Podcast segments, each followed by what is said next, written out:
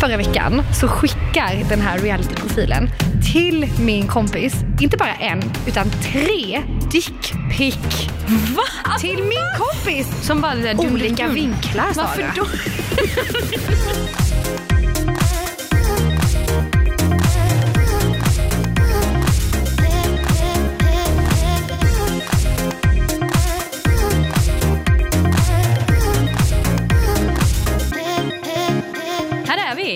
Här är vi. Pilotavsnittet av Vad har hänt? Så en liten applåd på det Ja, känner jag. Här en liten applåd. Alltså vad har hänt? Nöjesvärldens, eh, vad ska man säga, typ hetaste journalister är här skulle jag vilja säga. Nej, men man lite skrytig. absolut Får man det? hetaste. Ja, Ja. 110% hetaste. Sara och Johanna heter vi. Vi är alltså journalister på hent.se. Och eh, det här är en ny podd där du som lyssnar kommer att få hänga med bakom kulisserna i eh, nöjesvärlden.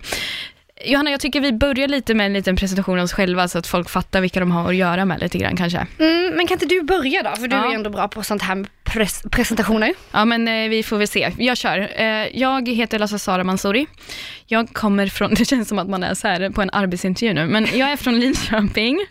Vad är din sämsta egenskap? Vad gör du? Hur är du i grupp? Vad jag vet inte, det beror på. Fråga mina kompisar. Skitsamma. Jag flyttade till Stockholm eh, för bara ett tag sedan och jag känner mig jätte jättevilsen fortfarande. Jag har bott här sedan i september men känner mig som världens typ eh, ja, vilsen i betongdjungeln kan man väl säga. Eh, och då har jag ändå bott i London så jag vet inte varför jag känner så men så är det i alla fall. Men för att göra en, en lång historia kort om mitt 29-åriga liv så fram tills att jag var typ 25 så visste jag inte alls vad jag typ ville göra med mitt liv. Jag kände ångest över typ allt och visste inte alls någonting kändes som. Så att jag valde att typ resa runt massor i världen, har varit runt och flängt runt som en idiot och bara jobbat med jobb som jag hatat, men också sett ganska häftiga saker, så jag ska inte vara helt så negativ till alla saker jag gjort kanske. Men eh, jag tog kandidatexamen i någonting som jag inte alls haft användning för, I, genusvetenskap. Okej, det har varit väldigt, eh, vad ska man säga, användsamt nej men, eh, an, Användbart. användarvänligt. Nej, Ja, ett användarvänligt. program på datorn.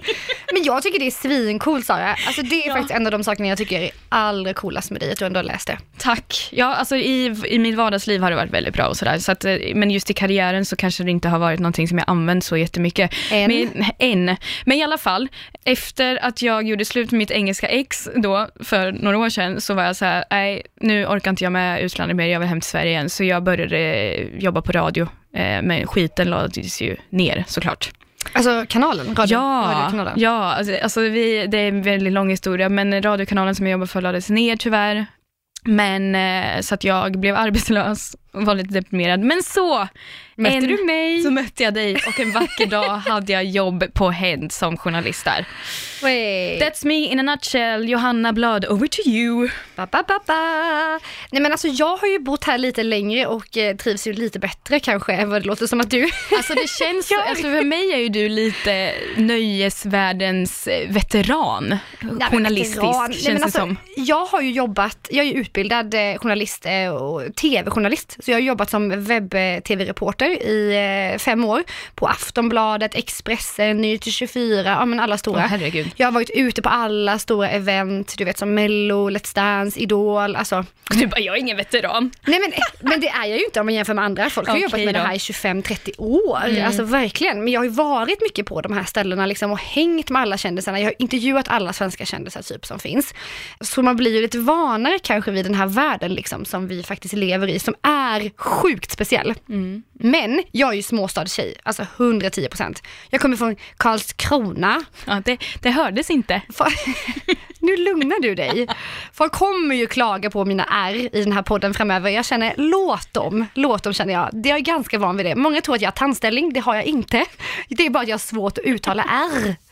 det kommer vi ha en egen podd till no någon gång. Vi tillägnar ett, podd, ett poddavsnitt om mina ärr. Nej men, ähm, ja, jag, jag trodde det var någon tandställningar. ja men jag är ju liksom eh, en eh, väldigt, eh, jag gillar ju, jag är ju en person som gillar att provocera tror jag.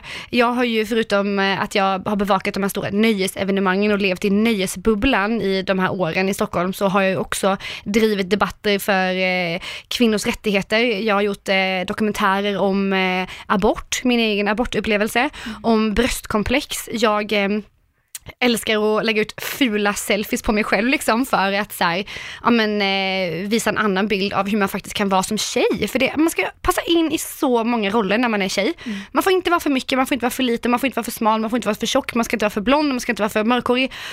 Alltså jag orkar inte, låt mig bara vara. Jag vill bara vara en människa som både kan jobba med Paradise Hotel och leda så eftersnacket till eh, Paradise Stockholm som jag gjorde i våras och samtidigt driva en debatt om aborträttigheter. Mm. Det kan man göra som kille och det ska man kunna göra som tjej. Word sister. Ja men alltså verkligen. Nej men eh, så ja, det är typ lite jag. Förutom det så bor jag i Bromma med min katt. Sara kallar mig för en crazy cat lady. Jag är inte det, jag vill bara säga det. Men det alltså, är okej okay att jag... posta massa bilder på sin katt, det är okej. Okay. Ja men alltså jag tycker inte det är något fel med att vara crazy cat lady. Ja men jag har ingen pojkvän, låt mig lägga upp bilder på min katt. Är Just det, konstigt? Jag, jag har en pojkvän, jag kanske ska, hej hej. Nämna honom. Du nämner din katt, jag nämner inte ens min pojkvän. Det var för att han smsade dig nu. Glöm inte nämna mig, Sara, i podden. Just det, tack Alex. Um, I alla fall, nog om oss eller? Ja, nog om oss. Ja, vi, vi kommer ju så komma in på oss själva Ni kan skicka in frågor. Om ni har några frågor. På Instagram. Ja. Mina kattbilder. vi är inte blyga. Fråga om mina R. Ja, precis. Vart kommer de ifrån? Karlskrona, då har man inte lyssnat ordentligt. R'n eller jag eller? Nej, nej jag vet inte. R'n också antar jag. R'n och du. Kör igång nu. I alla fall, eh, det här är som sagt podden Vad har hänt? Häng med bakom kulisserna i nöjesvärlden heter den för att vara riktigt så här proper. Alltså ordentlig, ordentlig, ordentlig tack. Um, för att summera då, vi vet, alltså från, från våran synpunkt så vet ju vi typ allt eh, vad som händer i nöjesvärlden. What happens i nöjesvärlden doesn't stay there, som man brukar säga. Verkligen. Och vi kommer fiska upp de här sakerna. Ja, och så då ska vi rappt gå över till vad vi faktiskt ska gå igenom i dagens avsnitt. Eh, vi kommer bland annat att prata om att kronprinsparet har gått på en väldigt udda dejt och det blir från det till att snacka om en reality stjärna och en dickpic. Mm. mm. Det vill ni inte missa det kan jag säga. Eller vill man det? Ja, det kanske man vill. det kanske man vill. och du Johanna, du har ju faktiskt hängt på Elgalan. Jag har varit på Elgalan. Jag ska prata om fusket bakom röda mattan och de, eh, ja men lite ingrottat i det där, det ska ni få höra mer om. Jag ska också avslöja Marie Serneholtz eh, sjuka och sjukt bra eh, mingelreplik. Hur hon liksom gör när hon ska eh, skapa kontakt med nya människor. Gud vad spännande det låter. Mm. Vi ska dra igång direkt och vi börjar med den första rubriken.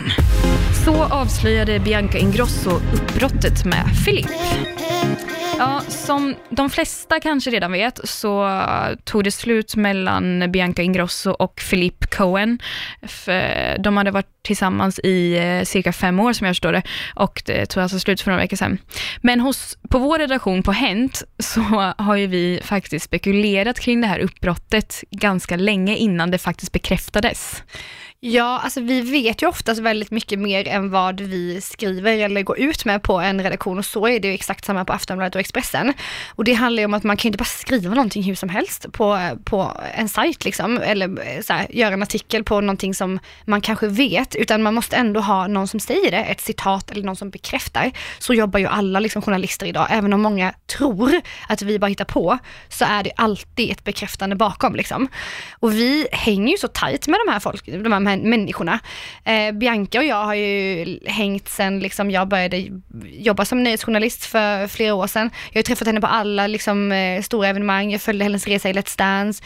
Alltså jag har gjort så många intervjuer med henne och man märkte ju på henne under, ja men här innan jul att allting kanske inte var 100% bra Mm. eh, när man träffar henne ute och sådär. Och det var ju någonting som hon var ganska öppen med på sociala medier också, att hon inte mådde dåligt, men hon sa ju aldrig vad det berodde på heller liksom. Nej, precis. Och det får man ju respektera. Och vi fattade nog allihopa tror jag att det var med Filip för att hon slutade lägga upp bilder på honom. Eh, han syntes inte längre liksom på samma ställen som hon. Eh, ja men det här klassiska liksom med sociala medier. Och det får man ju respektera. Så vi backade ju liksom och väntade tills hon själv kände sig redo att, att prata om det. Och när var det det här outades då? Du var ju Ja. faktiskt där. Ja men exakt, eh, och många kanske inte fattar riktigt hur det går till när sådana här saker kommer ut. Eh, ibland så skriver ju kändisarna själva det på sin Instagram eller blogg eller sådär. Men i det här fallet så var det faktiskt så att vi fick en inbjudan till en pressträff för Wahlgrens värld Just det. som har premiär nu strax. Och då fick man boka in eh, intervjutider med Bianca och Pernilla, så alla mediebolagen var där, liksom, eh, ja men Aftonbladet och Expressen och Hent.se och så här. Och då fick alla en kvart var. Otroligt! Alltså, en kvart? Ja men det är så speciellt på sådana här pressträffar och det tror jag många inte känner till, att det verkligen fungerar så här bakom liksom med allt det som man faktiskt ser utåt sen. Då får man en kvart på sig, då ska man hinna göra en intervju, det vill säga sitta ner och prata och man kan ju prova att prata med sin kompis i typ 10 minuter och se hur snabbt det går. Och man ska, man ska hinna ta bilder, man ska hinna göra instastory, man ska ja, hinna göra allting som man då behöver till sin tidning eller till sin redaktion på den här korta tiden. Och det var där då som eh, Bianca valde att berätta om att eh, hon har mått dåligt den senaste tiden på grund av att det har tagit slut med Filipp. Så att när eh, Expressen kom ut ur rummet och vi skulle gå in så eh, fick vi reda på att hon då liksom hade valt att säga det här. Eh, så i intervjun med vår reporter Stina så, eh, så, säger, så berättar hon liksom om det är så himla speciellt för det här, hon är ju en vanlig människa som dig och mig Sara. Och det är skitjobbigt för henne att hon har gjort slut med sin kille efter sex år tillsammans. Mm. Och liksom sitter och pratar om det i en intervju. Alltså, ja, det är ett väldigt starkt klipp tycker jag. Ja, vi ska lyssna på hur det faktiskt lät när, eh, när Bianca berättade vad det var som egentligen hände och eh, varför det tog slut. Nej men det var egentligen ingenting som hände. Ehm, vi är vänner och vi kommer eh, säkert alltid älska varandra men det, det funkade inte liksom. Så det var, det var för det bästa. När var, när var det här? Eh, det var några veckor sedan. Ja. Ja. Hur, hur mår du? Jag var bra. Ja. Alltså det är klart upp och nedgångar. Eh, vi har varit tillsammans i fem år liksom. Mm. Men jag kommer må bra. Ja. Eh, Ni har ju gjort slut tidigare Ja. tillsammans. Ja. Är det något som är annorlunda den här gången om du jämför med förra? ja, det är väl just att vi har gjort slut tidigare så att alltså liksom man kanske inte kan göra slut hur många gånger som helst. Nej, nej men då blev ni tillsammans igen. Ja. Hur känns det den här gången? Alltså framt, jag har ingen aning hur framtiden eh, kommer eh, utspela sig men just nu så är det liksom, är det så här. Ja, alltså, jag måste verkligen säga att jag tycker att det är så himla tråkigt att eh, det blev så här för Bianca och Filip. Eh, för jag vet att de har haft det väldigt bra, liksom, men de har också kämpat mycket. Eh, och vilket Bianca har varit väldigt öppen med. Så det är såklart supertråkigt. Och jag tycker att Bianca är fantastiskt stark som ja, men, pratar om alla de här känslorna alltid så öppet. Hon är Alltså, en förebild. verkligen. Alltså, Alltså, verkligen. Gud ja, och verkligen. Sen så tycker jag också det är starkt att inte vara kvar i någonting där det helt enkelt inte funkar, bara för att det kanske alltid har varit så också. Nej men och att hon, ett uppbrott är ju någonting som så många eh, kan relatera till och har varit med om. Och hon är ju förebild för så många unga kvinnor, jag menar hur många följare har hon inte på Mm. Instagram? Och det blir så här när hon då verkligen står rakryggad och säger så här, men jag mår piss, eller jag har mått piss på grund av det här. Så blir hon verkligen så himla mänsklig och visar att så här, det är okej att må dåligt. Det är normalt när man gör slut med någon. Absolut. Jag är bara så här, alltså, jag kan inte, för, det måste ändå varit så jobbigt för henne att vara en sån pass, så pass offentlig person. Och liksom att alla helt plötsligt får reda på att man har liksom gjort slut med, med sin partner. Det måste vara så fruktansvärt. Alltså det är ju jobbigt att liksom göra slut med någon som mig, en normal person som typ har 500 följare på Instagram. alltså du vet, så här, jag tyckte det var jobbigt att Alltså med mina ex, när vi har slut så har det varit jobbigt att bara ta bort relationsstatus på Facebook. Jag har ju inte ens det längre med min nuvarande pojkvän. För att Ja, jag vill men- slippa det där. Men alltså, fast jag tror att jag hade tyckt, tyckt att det var lite nice också. Varför då? Ursäkta? jag vet, det lät helt sjukt. Nej men jag menar så här, alltså, hade inte det varit jävligt skönt om bara folk visste om, bara så här, ja ah, men nu är Johanna ledsen för nu har det tagit slut med hennes kille. Men alla vet ju om det på typ fem sekunder så bara står det i alla tidningar, då, bara, då är det ingen som kommer fram och säger bara, ah, jag ska bjuda dig och din pojkvän på eh, grillmiddag ikväll, vill ni komma? Man bara, nej det har tagit slut. Nej men gud gumman, är det sant? Nej men hur mår du? Fast då ja men jag bara- orkar inte prata om det. Okej, jag förstår, jag köper det, men samtidigt då kan man ändå liksom bara spela med lite av oss här. Men spela med. Varje gång man han har- kan inte. Och sen kan man hålla det hemligt hur länge varje som gång helst. man har gjort slut med någon, varje gång man gör slut med någon så står man ju ut med de här eviga människorna som kommer typ ett halvår efter och bara, nej men gud, ja, hur mår du? Fast fatta liksom att det blir offentligt och sen så kommer liksom alla på en gång och bara åh stackars dig och vad jobbigt. men då kanske jag de kunde bara inte vet. som. Ja men de kanske bara vet så här, ja men då är hon mår jävligt dåligt nu. Hon kanske inte orkar vara med på alla de här grejerna eller lalala för att hon har gjort slut med sin pojkvän. Det är i och för sig väldigt bra. Det är en jävligt bra grej. Eh, Fast nej, jag Men- hade, nej usch vad jobbigt. Nej. Är man inte känd då kan man ju också skriva sådana här tackkort du vet, skicka ut till folk. Alltså inte tackkort men du vet, alltså man, man kan skicka ut så Ja, infokort. Nu är det slut med mig och eh, Johan.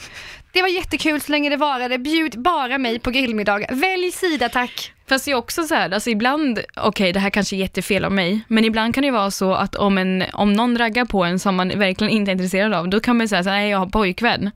Kan man göra. Om, även om man är singel, men då är de så här, okej hej då typ. Eh, Kan funka. Det kan man ju inte göra om man är känd, då vet alla mycket väl om vad din relationsstatus är. Absolut sant. Alltså där har du faktiskt 110% poäng. Verkligen. Jag vill inte ha det, du är, du är vidrig. Jag vill prata med någon annan. Marie Serneholt avslöjar, så bryter du isen på mingel. Ja, som sagt så hölls ju nyligen eh, den årliga Elgalan och Johanna, du var där. Ehm, och jag tänker ju direkt på, när jag tänker galor själv, så tänker jag, oj vad svårt att behöva stå och kallprata med folk. Hur sjutton gör man för att liksom bryta isen och för att få, få igång ett samtal? Ja, detta är ju ganska intressant. Så därför frågade jag några av eh, kändisarna på röda mattan om just hur de gör när de minglar och vad som blir deras första liksom, ord. Kinsa hade ett bra förslag tyckte jag. Oj, vad svår. Ehm, jag brukar nog säga... Vad mycket folk det är här. Någonting som... Vad kallt det är ute. Ja, som man kan relatera till. Ja, och alla bara ja, det är jättekallt. så kan man prata om det. Precis. Någonting sånt. Alltså personligen tycker jag att det är lite mellan mjölk av Kinsa här faktiskt. Alltså känns lite så här, men ja det är lite kallt här inne, ja absolut godkänt. Men det finns ju roliga saker man kan säga. Alltså den, den, den är ju liksom, mellanmjölk kan ju vara bra för att det funkar ju i alla, alltså det funkar ju med alla egentligen. Ja, det är ingen som kommer vara så här, "Öh, vad- vem är du, vad konstig du är, typ så. Nej absolut, men man safear ju lite. Mm. Eh, någon som inte safear, det är ju Daniel Paris. Han brukar ju inte safea alls mycket. Eh, han hade ett annat förslag, man kan prata om sig själv.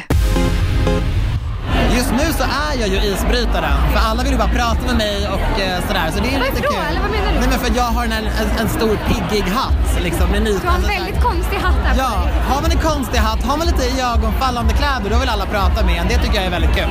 Smart. Så det är bra, så ha, ha en outfit och sånt som väcker uppståndelse, då, då har du, är du redan där. Jag är isbrytaren. Alltså det, alltså det ska vara min nya Tinder, eh, Tinder-bio. Jag är isbrytaren. Jag tycker att det är så från himla skönt.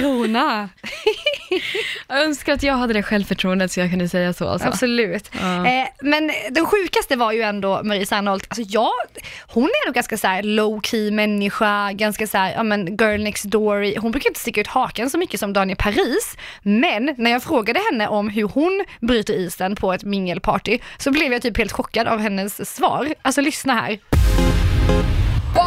Bra icebreaker. Jag pratade faktiskt om det här med några vänner igår som ska möta upp här inne sen. Jag hade tänkt att ta med mig en mobilladdare och dra upp den och säga att jag känner mig laddad. Den är så dålig när jag skulle köra. Det är lite dåligt ljud här, men eh, Marie säger ju alltså, eh, hon håller ju upp en laddare, en sån här portabel laddare och så säger hon, är du laddad? Alltså hur bra, jag älskar den. Ja men det känns bra, nu har jag lite mer tips på vad jag kan säga nästa gång jag är på ett mingel. Thank you Så dyra var kläderna och Tilde de Paulas panik inför galan.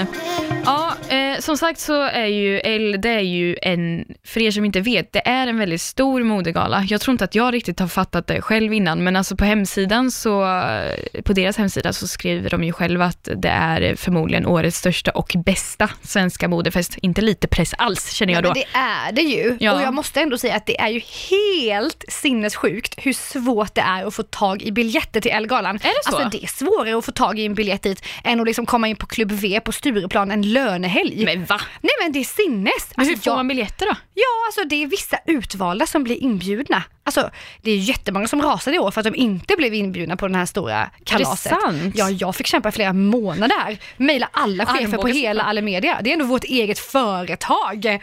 Till slut sa de bara, ja okej då, du får väl komma. Men det var inte så här man får slottar och du, ja, du får vara med mellan 20 och 21, sen får det gå. Det hade typ varit bättre. Fler som får njuta. Man fattar ju det för det är så himla prestigefylld gala Mm. och det får inte plats hur många som helst heller. Nej, alltså hur många ungefär, vet du det? Hur många som... Nej men det är väl, jag vet inte. Men det är skitsamma. många, men det, alla var ju där. Alltså, alla var ju verkligen där och det brukar ju vara så att det är så stora namn. Det brukar vara, ja men allt från Ja, men alltså eh, pris- Sara Larsson Ja. till Persbrandt till eh, kändiseliten. Wahlgrens familjen. Ja men alla, Skarsgård har ju varit där, liksom Icona Pop, alltid stora namn. Men, men också bara om man tänker på vilka priser som faktiskt delar ut så fattar man ju hur mycket liksom, modepondus den här galan har. För det är ju liksom årets designer, årets bäst klädda man och kvinna och årets modell, bland annat av alla priser som delas ut på Elgalan. Men då tänker jag så här direkt på att jag var lite glad till varför jag inte lyckades haffa de här biljetterna. Säger säger du nu ja. För att, ja men alltså jag hade ju fått panik, alltså jag får ju klädångest av att välja kläder på morgonen när jag ska till jobbet typ. Alltså hur gjorde du för att välja kläder till galan? Till mo- Ja. alltså typ Sveriges största modegala också. Jag drack en och en halv flaska prosecco, sen blundade jag och tog någonting i garderoben. Nej, är det så på riktigt? Lägg av!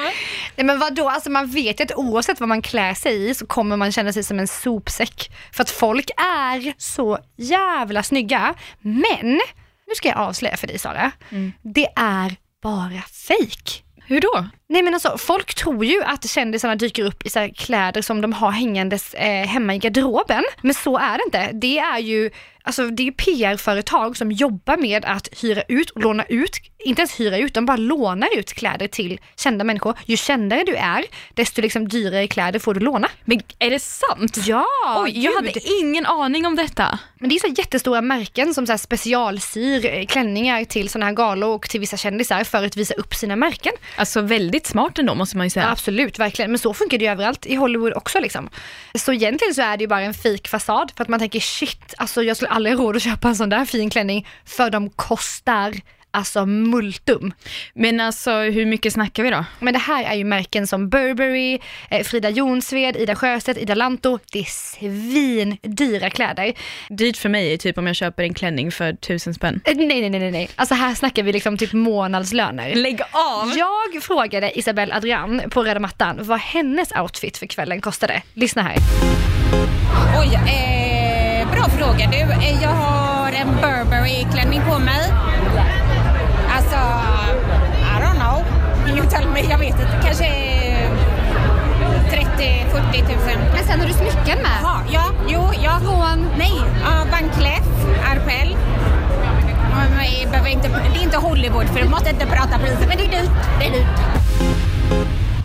Ja, väldigt dyrt om det kostar så mycket pengar, det kan jag hålla med om. Alltså shit, jag är helt i chock här. De här klänningarna är ju oftast liksom eh, specialsydda till personen som bär dem. Kinsa hade ju en specialsydd eh, handbroderad klänning. Så här lät det när hon berättade vad hon hade på sig och hur mycket den klänningen kostade. Det här är Fadi El Kouris som har specialdesignat den här. Det är liksom handbroderade pärlor över hela klänningen. Så den tog lite tid att göra. Skojar du? Men eh, den blev så himla fin tycker jag. Jag är jättenöjd, alltså verkligen. Vad kostar en sån här klänning? Eh, jag vet inte. Det får, det får nog Men typ, jag tänker många ute i landet så har aldrig varit på sådana här tillställningar. Vad typ? Alltså är det så här 50 000? Ja, lite mer tror jag. Ja, ännu mer till och med. Speciellt alltså just för att den är handbroderad, alltså pärlorna. Ja, över 50 000 i alla fall. Alltså då kan det ju vara Då kan ju vi snacka 100 000.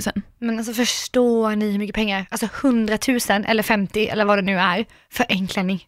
Men alltså, varför blir man inte designer? Jag hade kunnat tjäna massor. Men det allra mest spektakulära, eller kanske dyraste, som eh, gick på mattan eh, i år, det var ju bland annat Jenny Alvesjös detalj som hon hade på sig. Det var inte hennes klänning, det var hennes halsband. Jenny Alvesjö hade alltså ett eh, smycke på sig som kostade, ah, jag kan knappt prata om det här. Vi lyssnar vad hon säger. Halsbandet är gjort, handgjort utav två svenska tjejer som heter Gemart. Det är helt fantastiskt. Handgjort, det ser tungt ut. Är det tungt? 500 ädelstenar. Nej men det är inte tungt, det är väldigt lättburet. Det är som att bära ett konstverk. Får man fråga vad det kostar? Nej, eller? Ja, det, är, det, det kostar som en mindre lägenhet. Ja, alltså den, hennes halsband kostar ju alltså som en lägenhet. Och man undrar ju för sig om det är en lägenhet i Stockholm. Ja, men eller en Linköping. I, exakt, för en lägenhet i Karlskrona kostar ju typ som Kinsas klänning. Alltså, det alltså oavsett så är det väldigt mycket för mig för, för ett halsband. Men vi ska också gå in lite på från glamouren på galor. För det är inte alltid så himla glamoröst. Även om det är mycket dyra klänningar och outfits och, som vi uppenbarligen har fått höra om här. Så kan det också vara lite stress och sånt ibland. Och jag vet att du pratade ju med Tilde de Paula på Elgalan. Ja, hon hade ju panik. Alltså ska- verkligen. Ja. Det här är lite min favoritpunkt, för det här är ju verkligen bakom kulisserna, I love this. Alltså Tilda är ju världens skönaste person. Hon dyker upp på röda mattan, eh, ställer sig framför mig och så intervjuar jag henne och hon bara är helt så uppe i varv och bara helt varm och bara så här, hon är skitsnygg som alltid. Men jag bara gud vad är det så här? Hon bara jag har stressat så mycket hit, du kan inte förstå Johanna. Jag fick kasta mig i taxin och byta om i taxin. Alltså förstår du, hon hade en byxdress på sig som var så här eh, spets typ, jätte, jätte, jätte exklusiv. Eh, från, om det nu var Ida, Ida Lanto eller Ida Sjöstedt. Och och hon har alltså bytt om i en taxibil i liksom januari. Alltså vet du hur blött och slaskigt det är ute? Alltså herregud. Hon hade ju med sig eh, en, en designer i bilen som fick eh, knäppa eh, och hjälpa henne. Men alltså hon Hade hade, hon det? Ja, ja, ja. ja men hon kan ju, man kan ju inte knäppa en byxdress själv liksom. Men man tror ju att de, så här, de här stora stjärnorna som Tilde typ flygs in i något privatjet liksom. Men det är verkligen så oglammigt ibland att de får kasta sig in, in i en taxi för att hon hade spelat in ehm, Efter fem. efter fem programmet, det nya, eh, det nya programmet på TV4 precis innan. Eh, så från den ena scenen till den andra var det verkligen för henne. Ja, verkligen. Alltså, det är som du säger, man tänker verkligen att eh, de har haft tid i flera timmar och liksom så här, men har man ett jobb, då måste man eh, sköta det också. Hard working woman, power lady. Power alltså, lady Tilde. till Tilde de Paula. Kläddramat, de synliga bröstvårtorna. Ja, Många som om. ryser hemma Ja. i soffan nu känner jag. Jag hatar ordet bröstvårta sa jag till dig. Alltså jag tycker det är... Fy fan vad töntig Ja du men det är så, jag Ja, men du tycker, men jag tycker bröst är inte töntigt men jag tycker ordet vårta, kan det inte heta typ så här bröst... Vad- Plupp eller något, jag vet inte. I alla fall. Tycker du att pung är så mysigt eller? Nej usch, det låter jätteäckligt. Allt låter äckligt. Ja, vi de var- det var prydas inte där vi skulle- Prydpodden med Sara Mansouri. Jag är jättepryd, alltså jag är verkligen det. Det kommer, vi, det kommer vi komma in på strax för att eh, vi måste börja med att säga det var att det blev en del eh, snackisar kring, eh, kring somliga klädval på Elgalan. Bland annat så var Bahar Paris outfit en sån snackis och eh, hon berättade ju för dig Johanna om sitt klädval och vi ska höra på hur det lät. Okej, jag har alltså en tyll, blå tyll som jag älskar den här färgen som jag köpte på tygverket för 29 kronor meter. Köpte jag en och en halv meter så har jag virrat den runt mig. Du har virat den runt överkroppen som bara så här genomskinligt tyg. Exakt, genomskinligt tyg och så har jag liksom tänkt att men gud vad ska jag göra med mina bröst? De syns ju. Så tänkte jag så här, men fuck it, det är mina bröst. Och de ska få vara där och de ska få vara ammande och hängande och allt möjligt. så tänkte jag. 2019, Yes. yes. Och jag tänkte, nu ska jag fan äga mina tuttar. Men alltså hon gick ju ner för röda mattan och bara visade tuttarna som om det inte var en grej överhuvudtaget. Och det är så himla nice. Alltså jag mår så bra. Men det har ju skapat sådana reaktioner. Jag hörde så många som snackade om det här på galan. Efteråt har det varit jättemånga som har så här, ja men är inte det här en grej? Är inte det liksom så här eh, uppseendeväckande och typ så här som att eh, det är liksom inte alltid Ja, men som att det Typ att liksom- det inte var okej att visa brösten eller? Ja, men att det är så provocerande typ. Och det gör mig så himla upprörd för jag känner att killar får alltid visa sina bröstvårtor hur som helst och tjejers bröstvårtor är inte en del av könsorganet. Det känns som att skolorna inte lär ut det nu för tiden. Alltså jag blir helt upprörd. Jag har ändå drivit en debatt om bröstkomplex eh, ja, för några år sedan och kring liksom det här tabut som faktiskt finns med att prata om bröst som att det inte är någonting som man behöver sexualisera hela tiden. Och att kvinnor själva måste välja när brösten ska vara sexiga och när de bara är en kroppsdel. Precis som manliga bröstvårtor. Men för, för du berättade ju för mig innan här idag att, att du förut kanske själv hade lite problem med typ eh, om din pappa eller någon såg dina bröst. Ja men för jag är Om man ju... ligger och solar till exempel. Ja. Inte för att du kanske, jag vet inte. Ja men jag, jag solar ju alltid topless. Jag har ju, sen jag gjorde den här dokumentären om eh, bröstkomplex och jag har ju själv haft jättemycket komplex över mina bröst. För att de, Tror jag många tjejer har haft. ja och Mm. i dokumentären så intervjuar jag ju många som berättar att de säger, ja, men de kan inte ligga med sin pojkvän utan bh liksom. De har varit tillsammans i flera år för att man har så mycket ångest över att brösten inte ser ut på ett visst sätt eller att brösten inte är sexiga. Och det är det som är problemet, att vi tror, hela samhället, att bröst alltid ska, de är till för att vara sexiga. Men bröst, vänta nu ska jag berätta någonting helt sjukt här. Jag vill att folk ska hålla i sig lite här nu, för det här kan ändå vara lite chockerande för många. Men bröst är till för att amma. Bam, bam, bam. Jag vet, men det känns som att folk inte fattar det, alltså helt ärligt. Folk tror liksom att bröst bara är som, att bröst är en del av könsorganet. Alltså helt ärligt, att de tror att det är så här, men det är bara sexigt och det Men handlar det bara om liksom, sex. ja, och det handlar ju om hur, hur bröst har framställts i vår kultur och det är ju det, är ju det som är problemet kan jag Ja. tycka. Sen samtidigt så skulle jag aldrig våga gå runt i en klänning som bahar. Alltså jag tycker det är strångt, alltså strångt är det inte. Jag tycker det inte är något fel med det alls. Jag tycker det är helt rätt. Om hon vill ju ha en sån klänning, absolut. Alla som vill visa brösten, go for it. Jag älskar det, gör det. Men jag själv skulle nog inte våga det. Nej men jag tror att det där är en tröskel som du måste komma över lite. För att jag, efter jag gjorde den här dokumentären så har jag ju solat topless Alltså alltid, varje sommar, som du nämnde innan. Och det var ju fett obekvämt i början. Du vet när jag ligger där och fläker ut mig hemma liksom och pappa kommer ut och bara, men Johanna ska du inte ta på dig någonting? Och man bara, men vet du vad pappa? Nu sexualiserar du mina bröst här. Känns det bra för dig? Vet då blir de jätteobekväma. Ja men det är väl klart att det var jobbigt i början så här och syrrans man liksom kommer ut där och bara, vad ska jag kolla? Ska jag kolla upp eller ner? Ingen aning. Men det är bara bröst och jag bara så här, du vet nu när jag solar, det är ingen som bryr sig, alla vet. Det är ett par vanliga bröst. Alltså jag solade topless en gång i mitt liv och eh, det var när jag var utomlands och jag brände tuttarna så himla mycket så sen dess har jag inte gjort det. Men alltså det jag tycker är intressant med det du säger, eller det är det här att det blev sådana reaktioner ändå på Bahars klänning, eh, där bröstvårtorna syntes liksom. I och med det, det som du har nämnt innan, att hade det varit en, om det är män som visar bröstvårtorna, då blir det ju inget större snackis kring det. Alltså typ tänk, ta Ola Salo när han uppträdde med Jark på, på scenen på festivalen Where the Action Is 2011, då står han liksom eh, i en kavaj, men inte med liksom någon, någon skjorta eller tröja under, utan det är liksom free the nipple där, men ingen är så här, uh, han är aktivist, han är free the nipple. Ja, men, eller som David Lindgren som stod liksom i kallingar på melloscenen eller Samir och Viktor körde också, eh, visade nipplesarna i, i mello. Och det är liksom ingen skillnad ur det perspektivet på en manlig eller kvinnlig bröstvårta för att alltså, de, ingen av dem är en del av könsorganet. Och vi tjejer, eller och killar, de får bestämma när deras bröstkorg, eller deras liksom bröst då, man säger bröstvårtor, ska vara sexiga. Typ när de är i sovrummet, då kan det ju vara sexigt med en sån här man, manlig bringa. Uh. Men när de går på stranden så är det inte att vi bara, det är inte som att jag bara, åh gud jag blir så himla tänd här nu för jag ser en bringa som går förbi här utanför restaurangen. Men kvinnliga bröstvårtor, de är alltid sexiga. Alltid. De kan inte välja. Nej, nu vill jag amma mitt barn. Då vill inte jag vara sexig. Skyll dig kvinna för att annars blir jag kåt. När du ska sitta här och amma på restaurangen. Det är bara, jag tycker bara det är intressant att allt an- handlar om kulturella normer. Allt det här är ju bara normer. Det, finns, alltså det är det som gör, vad, eh, avgör vad som är rätt och fel egentligen. Och nu så Bahars klänning var fel enligt många för att hon gick emot en norm. Alltså det är ju så man kan säga egentligen.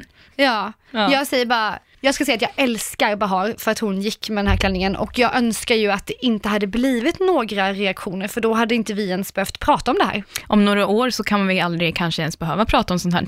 Nej. För att det inte kommer vara ett issue. Vi får se, Kan vi helt prata, enkelt. kan, då kan vi prata om mina ärr istället på den här punkten. Då har vi kommit till eh, rubrik nummer två och det är veckans what the fuck.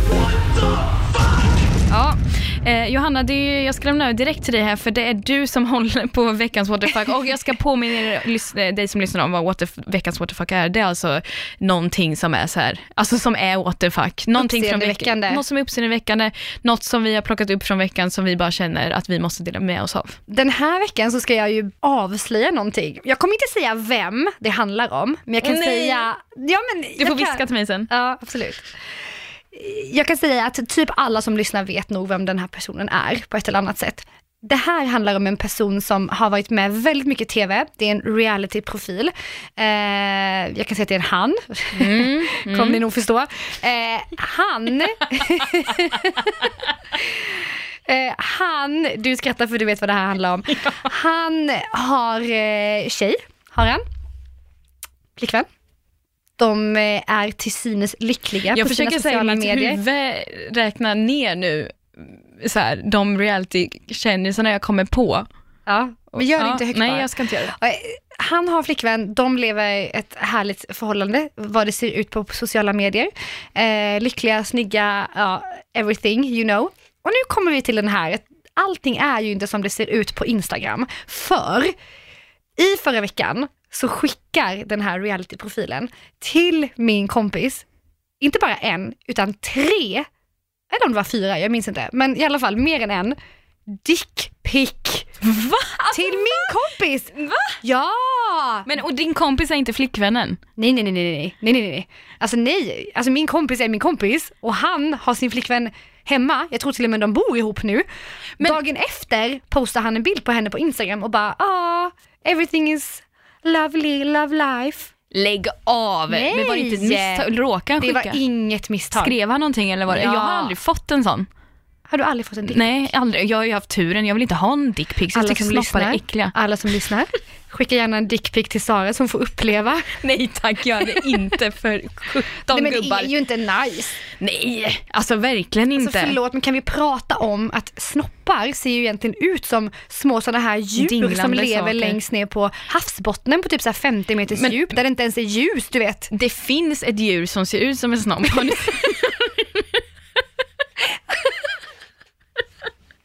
Har du inte sett de där aporna?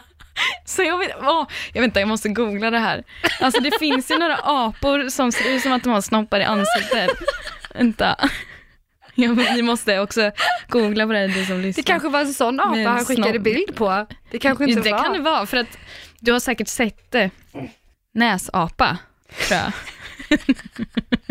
Ska vi kalla den, den kändisen för näsapan framöver? Ja, ja, ja, ja. ja. Eh, ja men kolla, säga- så, kolla, jag visar det här nu.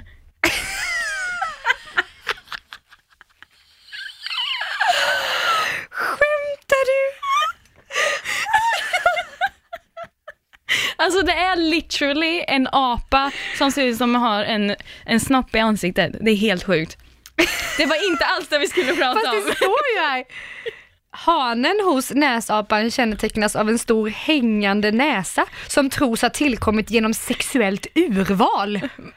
Då har, de, ja, då har de ju liksom själva avlat fram sin egen art genom att eh, tjejerna har ju bara legat med killarna med stora näsor. Men alltså vänta, vänta, okej vi måste backa bandet.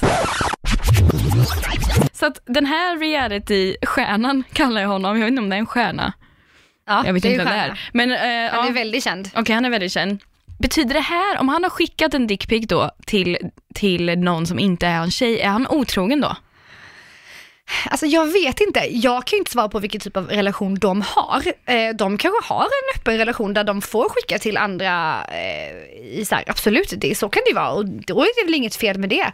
Eh, jag känner ju honom ganska väl och ehm, jag fick ju inte uppfattningen av att det är så deras relation eh, ser ut sist jag, sist jag träffade honom.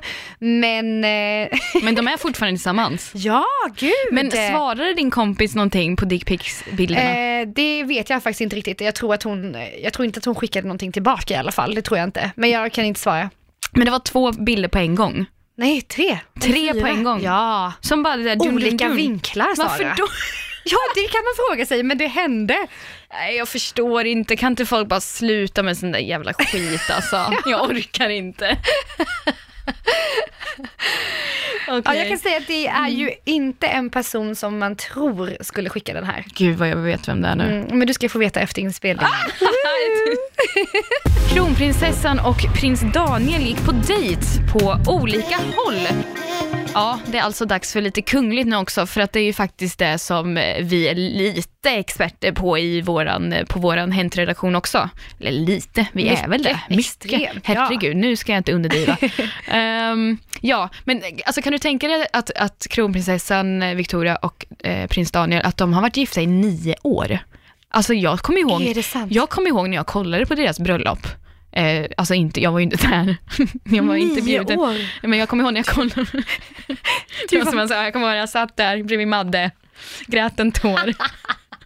det var så vackert. Nej, alltså när jag kollade på det på tv, eh, datorn eller vad det var, skitsamma. Men alltså att det har gått så lång tid i alla fall, det är helt sjukt. Häromveckan i alla fall, man kan ju undra lite vad det är som, som får deras förhållanden att gå runt. Alltså, för de verkar ju ändå oftast ganska lyckliga med, alltså det är så lätt att säga från utsidan hur saker ser ut. Vi, vi har ingen aning om kanske hur det är i sovrummet. Men i alla fall. Eh, ja, när det, vet när de är vad- bara med varandra. vet inte vad ni brukar fundera på, men Sara har ju sina egna funderingar här. Nej, jag vill komma, jag försöker göra en snygg övergång men det går inte så bra. I alla fall. Häromveckan så, så är det ett ögonvittne i alla fall som har sett dem eh, när de var i Gävle. Och då så hade de varit på Filmstaden där. Och jag, jag har till och med klockslag. Klockan 21.05 gick de in på Filmstaden. Fan vad creepy du är nu. Ja, Så jävla creepy. Det, var inte, det här var ett ögonvittne, inte jag. Obs, obs. Eh, Eller var det Sara som var i Gävle? Åkte upp till Gävle för att följa efter honom. Nej. Det är inte så sjukt i sig kanske att de var på Filmstaden i Gävle, men det sjuka är att de gick in i två olika biosalonger klockan 21.05. Daniel gick då in för att se A Star Is Born, du vet den här med Bradley Cooper och Lady, Lady. Gaga. Um, Vickans film är okänd, men hon gick i alla fall in på en, i en annan biosalong helt enkelt. Va? Ja, alltså var, varför? Det är, alltså, och inte nog med det. Några dagar senare efter det här biobesöket så åker Daniel då själv med barnen på en skidsemester i Kungsberget och jag har fått reda på att det här Kungsberget ligger strax utanför Gävle. Vad är det som sker? Varför är det Men så alltså här? jag känner, hon kanske var uppbokad på någonting när de skulle typ åka skidor, absolut. Men biosalongerna, då var de ju ändå där. Mm. Det är ju super, superspännande varför de gör så. Alltså är det, är det verkligen så? För jag kan känna med min pojkvän ibland att vi har jätteolika film och seriesmaker. Alltså vi vill verkligen bara se olika saker hela tiden. Så ibland kan det bli så här att jag sitter med min dator och han tittar på tvn fast vi sitter bredvid varandra för att vi tycker så olika om våra olika smaker. Men skulle ni gå på olika Nej, det biosalonger? skulle, nej. Alltså vad, vad är vitsen med att gå på bio om man ska gå i olika salonger? Jag fattar inte. Men det kanske är någon sån här säkerhetsgrej då? Hur då? Fast de är, i och för sig, de är ju på andra grejer tillsammans hela tiden. Ja, det kanske är just därför. De kanske vill ha lite space. De kanske, det kanske är det som har fått deras förhållande att funka så länge. Space, jag vet inte riktigt. Fast i alltså på en biosalong så pratar man inte så mycket med varandra hela tiden. Men vad tycker du om det här då? Alltså, personligen så tycker jag att space är en väldigt bra grej. För mig funkar, eller alltså, egentligen så ska inte jag säga någonting för att mitt längsta förhållande har varit i två och ett halvt år. Men jag behöver space. Alltså jag är ju den som liksom inte kommer fira alla hjärtans dag med min pojkvän. Men skämtar du? Det är alltså, jag fattar inte varför man ska, alltså, okej jag fattar alla hjärtans dag, jättemysigt och gulligull för många kanske, men för mig är det ju, nu ska vi inte gå in på alla hjärtans dag, det kan vi göra någon annan gång. Men alltså, jag tror att vi har en sorts bild i vårt samhälle över hur det perfekta förhållandet ska se ut. Så typ när man får reda på att eh, Vickan och Daniel har varit i olika biosalonger, då är det så här: oh my god, vad gör de? Ska de skiljas? Eh, men alltså förstår du vad jag menar? Jag tror, att så här, man, jag tror att vi har en drömbild om att förhållanden, så här, man ska sova i samma säng, i samma sovrum hela livet och det ska vara så himla rosa moln och allting så här. Nej men jag blir helt upprörd över att du sitter här och säger att du inte ska fira äh, alla hjärtans dag med din pojkvän. Och jag känner bara, men varför har man då en pojkvän? Alltså ska jag säga helt ärligt, anledningen till att jag hade en pojkvän sist, det var för att ett, jag ska ha någon att fira alla hjärtans dag med.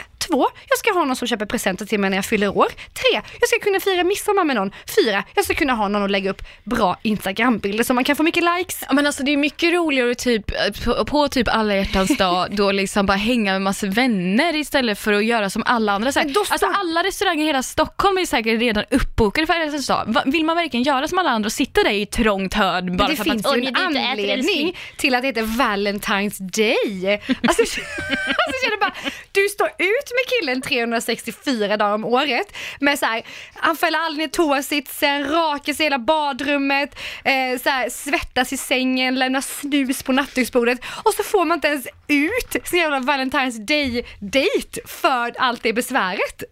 jag bara undrar, Ja, Fy fan, ditt ex låter som en mardröm. det var generellt om män. Jag tror man kan känna igen sig i det faktiskt. Ja det tror jag med. Alltså, Men jag känner fall. bara, jag ska ha min Valentine's Day, jag ska ha mina presenter och jag ska ha mina jävla blommor. Men alltså okej om vi tänker det här med space då? om vi går tillbaka till det. Sp- Vad är det? Vadå Ja men space? alltså ut, så här, kunna, Ja, som Vickan och ute. Daniel, Ja, men de man är gör saker på olika håll. Nej men man är ju ihop med någon för att man ska kunna limma på den, ligga, umgås. Med, du tänker alltså, om du tänker förhållande så tänker du jag ska vara med honom hela tiden. Jag tar hem med honom till jobbet. Känner att det kommer gå bra för mitt tindrande efter den här podden. Johanna Blad på Tinder. Ja. Röven. Ja, okej. Kan vi Eh, klippa bort det här eller? Kan få. Nej men jättehärligt för dem, absolut. Hade aldrig funkat för mig. Men jag tänker ändå att det kanske är just det här som får ändå en långvarig relation att fungera. För jag tror att om de har varit gifta i nio år, kronprinsessa Victoria och Daniel.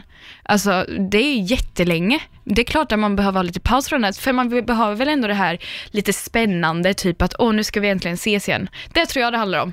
Men nästa gång som du eh, smyger på Vickan och Danne så kan du väl fråga dem? Jag Du ska hänger försöka efter dem till skicka Gävle. en lapp. Nej, i alla fall, det var, det var vår, eh, vår sista rubrik för, för dagen. Vi har pratat om, om allt eh, möjligt idag. Alltså det har varit mellan himmel och jord. Ni vet nu mycket väl vilka vi är, hoppas vi. Och eh, det här var alltså pilotavsnittet av Vad har hänt? Eh, är vi som har stenkoll på vad som händer bakom kulisserna i nöjesvärlden och det kommer vi fortsätta såklart att dela med er av. Vi har snackat Elgala, vi har snackat Bianca Ingrossos uppbrott, vi har snackat bröstvårtor, ja allting har det varit.